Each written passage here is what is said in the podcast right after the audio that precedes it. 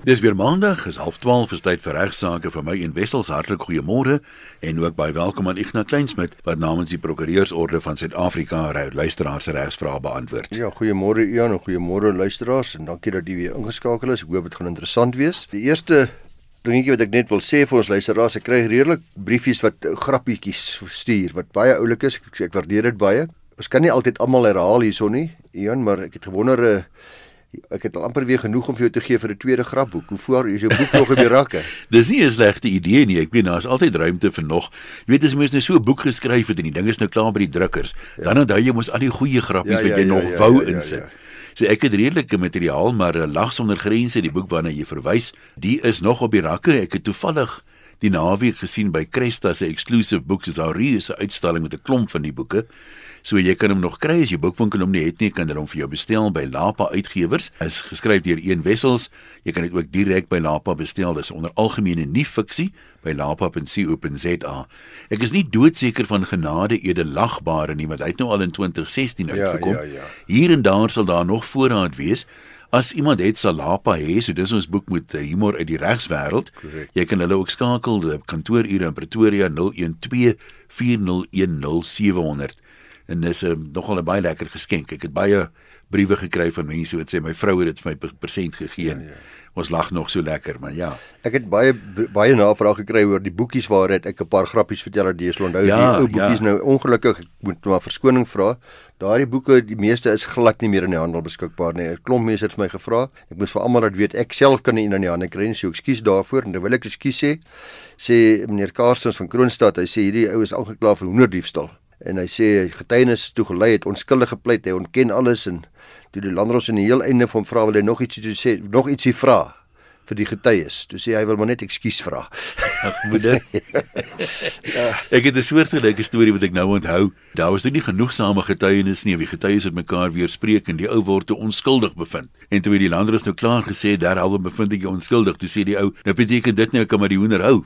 Ja ja Ja, regstaal is 'n ding wat vir baie mense 'n groot bron van irritasie en frustrasie is en baie mense dink dis maar net 'n klomp winties hierdie klomp regsgeleerdes met hulle vreeslike regsterme wat hulle gebruik en die oorbodige onnodige regstaal wat baie mense beskou as 'n uh, as niks meer as maar net so 'n bietjie afshow nie. So Kyk, dan moet jy dan ook erken, daar is veral jong prokureurs wat baie graag hierdie latynse terme nee, rondgooi want dit laat ou darm slimmer klink. Sonder twyfel so want regsdokumente natuurlik is inherent baie moeilik verstaanbaar. Uh, deur leuke en dit daar, daar word baie regsterminologie gebruik ongelukkig.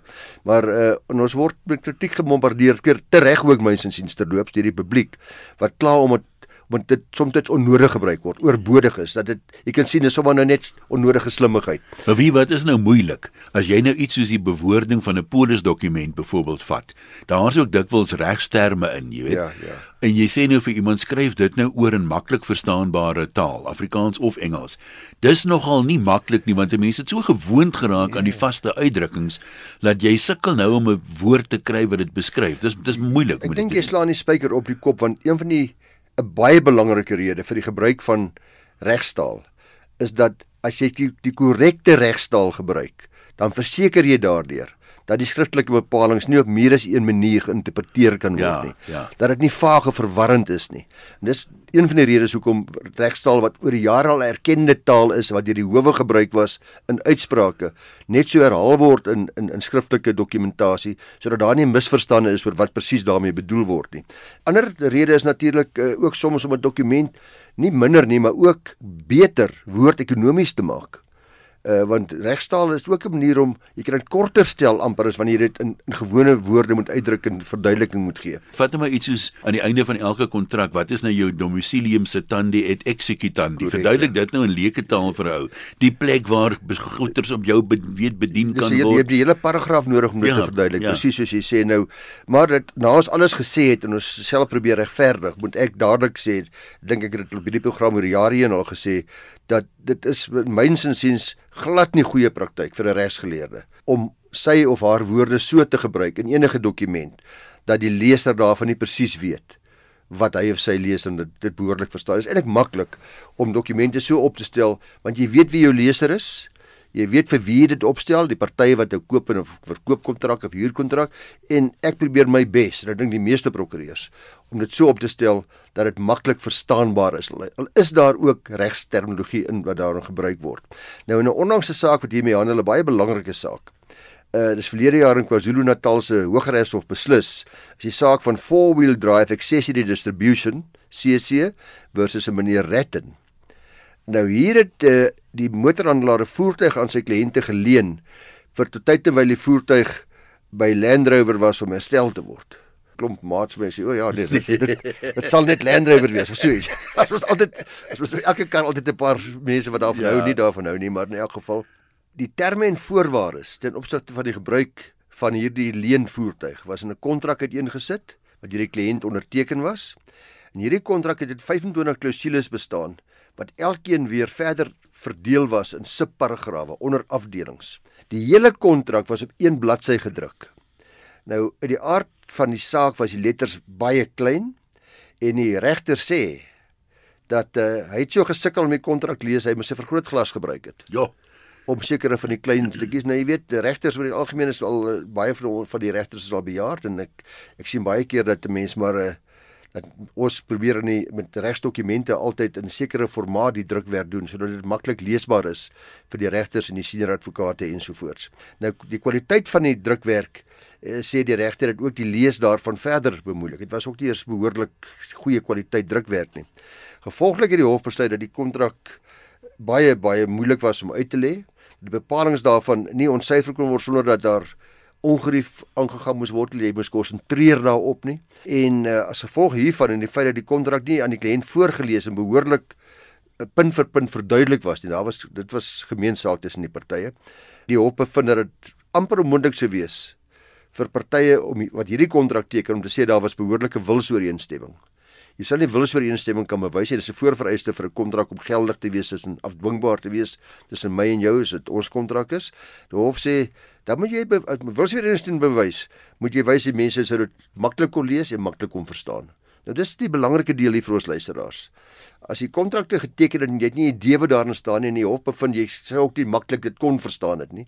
Dis te moeilik, dis te tegnies, dis te sis, dis te so, dan sal daai kontrak nie gevolg gegee word nie.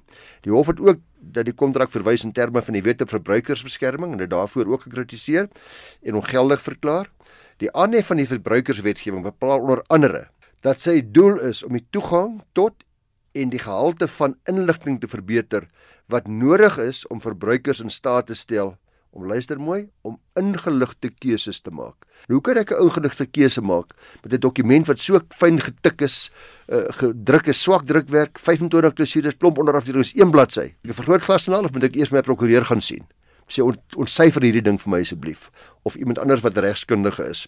Nou artikel 22 luisteraars van die Wet op Verbruikersbeskerming is 'n baie baie belangrike artikel vir almal van ons wat vandag luister, vir almal en vir alle prokureurs, want dit vereis dat enige dokument wat volgens wetgewing aan 'n verbruiker verskaf moet word. Dis dit beteken enige kontrak wat wat iemand verlang ek moet teken wat aan my verskaf word vir ondertekening moet in gewone maklik verstaanbare taal wees. Gewone maklik verstaanbare taal. Artikel 55 van die wet bepaal nog verder dat enige skriftelike verbruikersooreenkoms aan hierdie vereistes van artikel 22 moet voldoen. Dus gewone, maklike, verstaanbare taal ongeag daarvan dat die ooreenkoms vrywillig aangegaan was of deur wetgewing vereis is.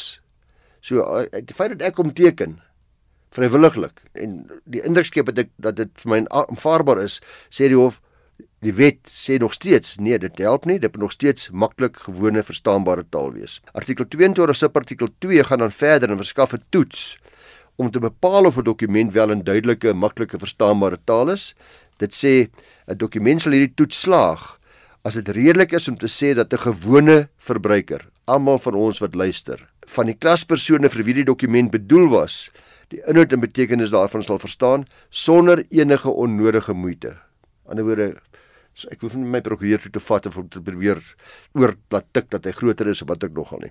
So die gewone gebruiker wat gepraat word luisteraars het ek gesê is die een met 'n gemiddelde geletterdheidsvaardigheid en wat nie ondervinding het, minimale ondervinding het as 'n verbruiker van die betrokke goedere of dienste wat ek nou of wat ek nogal die ooreenkomste is wat aangegaan moet word nie. So baie belangrik, let wel, as dit nie so is nie, dan is jy nie gebonde aan daai kontrak nie. En dis presies hoe hierdie persoon uitgekom het hierdie kontrak uit wat met die leenkontrak wat hy aangegaan het uh, op 'n leenvoertuig waarmee hy waarmee waarmee hy nie gelukkig was uiteindelik nie, maar dit het nie verstaan het nie. Uh die hof het dan ook bevind dat die motorhandelaar se kontrak hierdie vereiste val en uh, die kontrak was ongeldig verklaar. Wat is die, die invloed van praktiese omstandighede op so iets?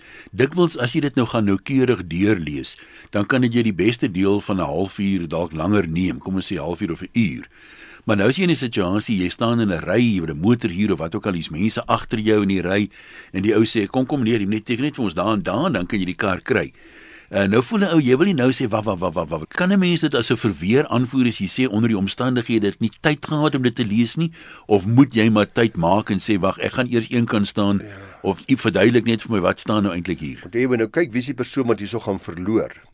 Gewoonlik die die handelaar uh nie die verbruiker nie. Die verbruiker is wat die beskerm word. Ja. Dit sê meneer, ek moet seker maak dat jy wat die verbruiker is, hierdie ooreenkoms wat ek met jou wil aangaan, dit wat ek aan jou wil verkoop of verhuur of wat ek nog dit mag wees, dat jy dit verstaan. En die hof sê as jy dit nie om voorgeles het en duidelik gemaak het dat dit verstaanbaar was. Sê net maar hierdie 25 klousule kontrak wat ons nou pas behandel het. Al was hy in fynskrip, was voorgeles sê meneer, verstaan jy dit? Verduidelik dit. Dis wat dit beteken as ons tevrede. En albei partye erken dit, dan was daar geen probleem nie. Want die kontrak is verstaanbaar gemaak deur behoorlike verduideliking. Maar as ek 'n ou laat teken omdat die ry te kort is en ek is te hastig en ek is, is te vinnig, want die hof sê weer eens, selfs al teken die verbruiker vrywilliglik onder druk of vrywilliglik, dan beteken dit nie hy is gebonde daaraan nie. Dit moet nog steeds maklik, verstaanbaar leesbaar wees op so 'n manier dat die gewone verbruiker sou geweet het wat hy teken. Ek kan vir jou sê in prokureurskantore, daai dokumente wat mense kom teken vir 'n eiendomsoordrag. Ja, o, dis 'n boek. Daai pakke en pakke dokumente, daai verbandsdokumente en die ander dokumente wat hulle moet teken. 99 uit 100 kliënte wat by ons firma inkom sal dit teken sonder om 'n sin te lees. En dan moet sê sal ons vir hulle sê jammer, dit werk nie so nie. Ja, maar hulle vertrou ons. Ek sê, dit ja, gaan nie oor vertrou nie, meneer. Jy wil net die huis hê. Ek moet seker maak dat jy verstaan wat die gevolge van hierdie kontrak is. Minstens die belangrike dele daarvan vir jou uitspel en vir jou verduidelik. Want mense teken met goeie trou amper enige ding in 'n prokureurskantoor omdat hulle prokureurs vertrou wat mooi is. Hulle doen dieselfde by handelaars. Terwyl hy handelaar nog nooit ontmoet het nie, nie weet hoe skelm of eerbare is nie, teken enige dokument en dit is jammer dat dit so is. Hierdie uh hofsaak sê, moet dit asseblief nie doen nie. Maak eers seker jy verstaan. Jy weet selfs iets eenvoudigs net soos om jou selfoon op te gradeer. Die pak dokumentasie wat jy moet teken om ja. daai eenvoudige transaksie ja. deur te voer. Dit voel ja. vir my daar moet 'n makliker manier wees. Nou die een ding wat ek eintlik maar wou wou sê vir ons vir ons uh, luisteraars is dat uh hierdie wetgewing is daar om julle te beskerm. Gebruik dit. Ja, luisteraars, ek het 'n briefie gekry van Kasla Beskagni met 'n klompie vrae en ek het uh, die vrae handel alles met boedels en ek het dit ouer gewoonte maar vir Volker gegee wat 'n boedelspesialis is. Hy sê kan jy asseblief die volgende vrae vir ons beantwoord? Kan jy testateer testatrice as langslewende optree as eksekuteur? Volker sê ja, hy of sy sal egter gewoonlik die hulp van 'n prokureur of ander deskundige moet inroep om daarna afsterwe die boedelberedingsproses af te handel. So wat gebeur is geen probleem om langs lewende aan te stel as eksekuteur of eksekutrice nie. Baie mense doen dit. En wat u vrou of u gade sal doen as hulle dan nou as u nou as haar die eerste eersterwende dan nie meer daar is nie.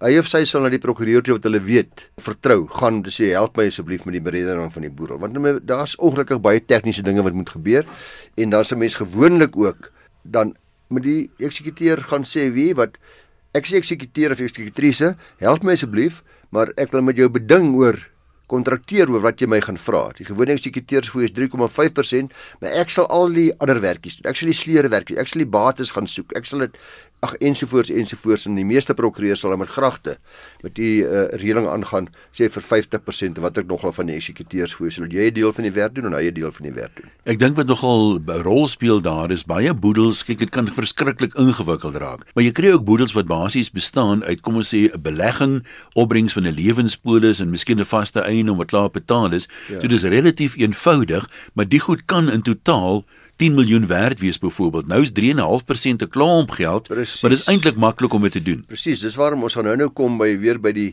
die kontrolelys wat jy moet opstel wat ons lankal al vir ons luister dan. As jy 'n behoorlike kontrolelys het en daai dokument is alles mooi netjies bymekaar en jy kom by die prokureur aan en jy kan sien, hier's die beleggings, daar's die huise transportakte, hier's die bankrekeningnommers, hier's die polisse, hier's dit, hier's dat.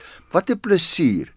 Jy gaan onmiddellik vir daardie persoon sê, "Wie wat ek sal doen vir vir baie minder as normaalweg want julle die huiswerk is goed gedoen deur die oorledene en dit help dit maak dit geweldig maklik. En dan is daar ook iets soos 'n klein boedel. Hierdie persoon vra dan ook moet die boedel aangemeld word by die meester? Is die boedel baie minder as 'n miljoen rand?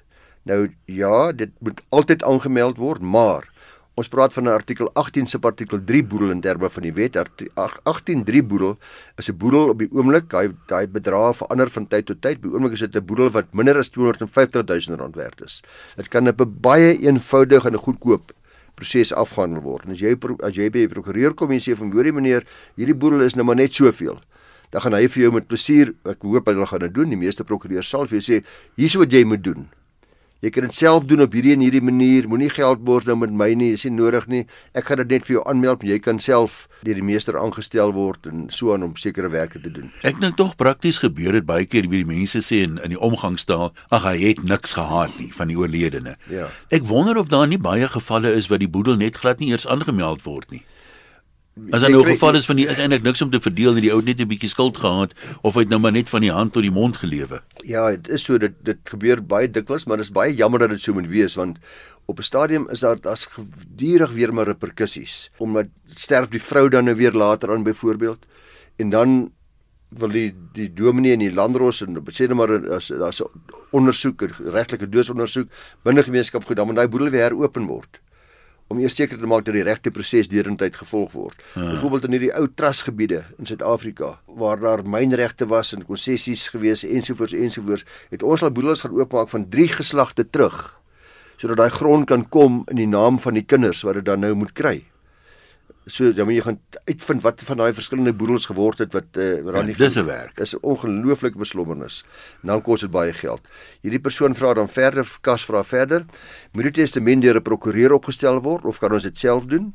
Uh volker sê julle kan dit self doen. Dis egter nie raadsaam nie. Ek stem 100% saam met hom. Dis mynsins siens beter as 'n prokureur doen om seker te maak dat al die bepalinge uitvoerbaar is.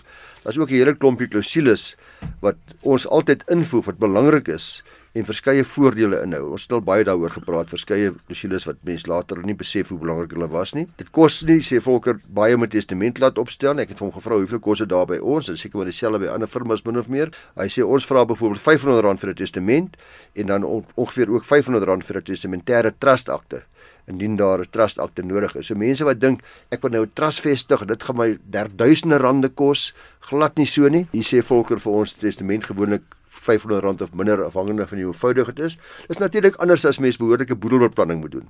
As daar gewellige baie bates is en jy moet ook deel van die boedelbeplanning doen. Hierdie is net vir die opstel van die testament self. Maar gewoonlik in 99% van ons uh, gevalle sal dit net 'n gewone testament wees, maklik uitvoerbaar. Dan vra hy, kan u asseblief die kontrolelys vir testamente en boedels aan ons aanstuur? Ek het kry talle sulke versoeke ons stuur dit nie aan nie. Ons verwys hier weer dat dit gevind kan word uh, op ons webtuiste. Uh, jy gaan net na die van Veldendaffie webtuiste dis by VVD Victor Victor Delta VVD soos www.vvd.co.za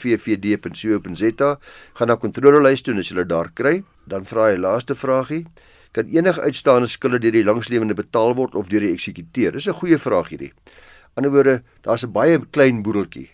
Sê net maar daar's net 'n motor in hierdie in hierdie boedel my vrou by langs my my oorlede man se boedel uh, net 'n motor en miskien 'n bietjie geld in die bank. Nou wil ek nie die motor verkoop nie. Want daar's ook skuld van 50000. Geen probleem vir die langs vir die die erfgenaam om te sê goed, daar's nie genoeg kontant in die boedel nie, maar ek sal dit inbetaal sodat ons nie nodig het om die bates te verkoop nie. Dit gebeur baie baie gereeld dat daar kontant inbetaal word. So ja, die langslewende kan dit self inbetaal en dit gaan dan baie help nie my boedel baie vinnig afhandel en geen verkoping te hê van enige bates nie. Terwyl ons nou daaroor praat, ek nou iets wat ek nou al by 'n paar maal gehoor het dat mense oor kla. Ek weet nie hoe algemeen dit is nie, maar ek kry die idee dit is nogal redelik. Jy kry soms dat mense is buite gemeenskap van goed getroud, nou gaan die man byvoorbeeld dood en nou begin skuldeisers so selfoonmaatskappye sê maar die man is nou agterstallig, jy moet nou betaal of hy het vir ons hier geld geskuld, die motor is laat diens of iets of is nou agter met 'n motorpaaiement. Nou soos die die die woord wat baie keer gebruik word, nou harass hulle die arme weduwee ja, ja. en sê daar sou word selfs gedreig met jy kan jou huis verloor ja, ja, terwyl ek meen buitegemeenskap van goed het sy niks te doen met die skuld wat die man aangegaan het ja. uh, of wat hy gehad het hy oorlede is nie. Ja, ek kan nie vir jou ons kry gereeld briewe presies in daardie aard dat hulle dat uh, hulle word getuister soos jy sê na die afsterwe. Dis die woord wat ek gesoek het. Ja, hulle word getuister. Mense praat van 'n res gewoon. Na daardie afsterwe, en daai weduwee moet asseblief net daai persoon 'n koue skouer gee. Uh moenie val vir al die stories en al die dreigemente nie. Verwys hulle na u prokureur toe of sê hulle moet die eksekuteur gaan sien en die eksekuteur sal vir hulle sê hulle kan 'n eis instel teen die van se boedel en is hy boedel bankrot dan het u geen verantwoordelikheid behalwe natuurlik as u borg geteken het. Ja. Die enigste geval waar daar spreeklikheid gaan wees. Met ingemeenskap van goed verander die prentjie natuurlik. Daar's die daar's die prentjie. Alles al die bates val in die gemeenskaplike boedel en al die skuldeisers word eers betaal voordat uh, as jy nou die alleen erfgenaam byvoorbeeld wees voordat u deel dan aan u uitbetaal word. As die boedel nie genoegsaam is nie kan hy wel by die langslewende dan aanklop vir die skuld. Nee, na die afhandeling hy die gemeenskaplike boedel word dan insolvent verklaar. Ek ja. Goed. Ja, met ander woorde as daar as die baat is as die laste die bates oorskry, dan sal die eksekuteur reël dat daardie boedel insolvent verklaar word. Wat dan natuurlik die langslewende raak. Wat die langslewende se se skuld ook uitdelg. Ja. Uh, want alle skulde word betaal en die daai boedel is dan afgehandel, dan begin die langslewende met haar eie nuwe boedel weer voort. Baie goeie punt, ek dink waardevol vir luisteraars. Ja. Ek nou ons kan nog een inpas. Dan is daar die vraag oor die gepasheid van advokate om die rol van advokate te dien en ek het 'n navraag gekry van 'n kollega uh, uit die Kaap wat gevra het uh hy wil graag hê ons moet daar hierdie saak ook 'n uh, bietjie verduidelik. Dit is die Jiba saak. Die bekende Jiba saak wat baie in die koerante was. Uh dis die Jiba en ander is Merwebi versus die General Council of the Bar of South Africa en Merwebi versus General Council of the Bar South Africa. Dis teen die einde van 2018 deur die Appelhof beslis. Nou daai saak is nog nie heeltemal afgehandel nie. Daar's nog steeds verwikkelinge sien ek in die pers, maar die saak was teen die voormalige hoof van misdaadintelligensie. Was daar 'n saak Richard Mdluli, was sy naam gewees. Dit het baie wyd opspraak verwek. En na etlike jare as hoof van misdaadintelligensie het Mdluli uiteindelik sy kantoor ontruim in Januarie 2018. Maar die saak het nie daar gaan lê nie, nie daar gestop nie want uh, wat gevolg het was sake teen drie advokate deur die algemene Bali Raad wat gesê het julle is lede van ons Bali Raad. Ons dink julle is nie meer gepas om op die rol van advokate te dien nie. Hierdie advokate was 'n meneer Nomgobo en Jiba en dan ja, Jiba was die adjunkt nasionale direkteur van openbare vervolging en dan Lawrence Merwebi, spesiale direkteur van vervolging as hoof van die gespesialiseerde kommersiële misdaadhede en dan was daar nog Sibongile Mzinyati direkteur van openbare vervolging van Noord-Gauteng. So baie senior mense by die departement uh, van openbare vervolging en die Bali Raad het 'n aansoek in die Hooggeregshof geloods om hulle van die rol van advokate te verwyder omdat uh, hulle nie gepaste geskikte persone is nie. Uh, in die hofsaak word gepraat altyd van 'n fit and proper person geskikte persone om te dien as prokureurs of advokate nie. Die Bali Raad se aansoeke was gebaseer op die wyse hoe hierdie drie advokate die saak van Richard Mdluli gehanteer het. Mdluli was aangekla vir bedrog en korrupsie, moord, poging tot moord, maar hierdie drie advokate het die bedrog en korrupsie klagtes teen Mdluli teruggetrek. Hulle was hulle was in die vermoë om aan te gaan met hierdie saak en hulle besluit nie te vervolg nie. Ten spyte van genoegsame getuienis. Volgens die Bali Raad, ja. ja. Die moord en poging tot klagtes was poging tot moord was teruggetrek deur deur ene Chouki, dis die direkteur van nasionale vervolging na in Suid-Gauteng. Die Hooggeregshof het bevind dat GBM Merwebi van die rol verwyder moet word. Uh, maar die saak teen Mzinjati was van die hand gewys. So hy was dit daar's onskuldige bevinding gewees. Die bewyslas nie van gekwyt nie en GB en uh, Jiba en Merwebi het toe geappeleer na die Hoogste Hof van Appel terwyl die Bali Raad ook geappeleer het. Hulle het weer geappeleer teen die uitsprake verband met Mzinjati wat nie geslaag het nie. Nou die Hoër Hof van Appel het toe Jiba en Merwebi se appel gehandhaaf en bevind dat Merwebi eerder net geskort moes word dat uh, as 'n advokaat en nie uh, hy nie heeltemal van die rol verwyder moes word nie. Daai skorsing moes net vir 6 maande geld. Die Bali Raad se appel teen Mzinjati was van die hand gewys. So Mzinjati is heeltemal van die hoek af gehaal.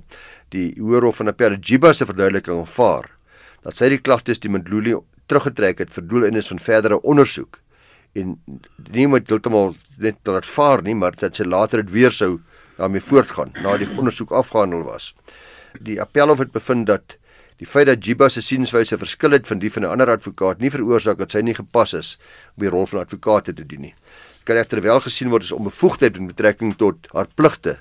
Dit is gronde wat gronde sal wees om haar af te dank en daarom uh, dan die die die skorsing.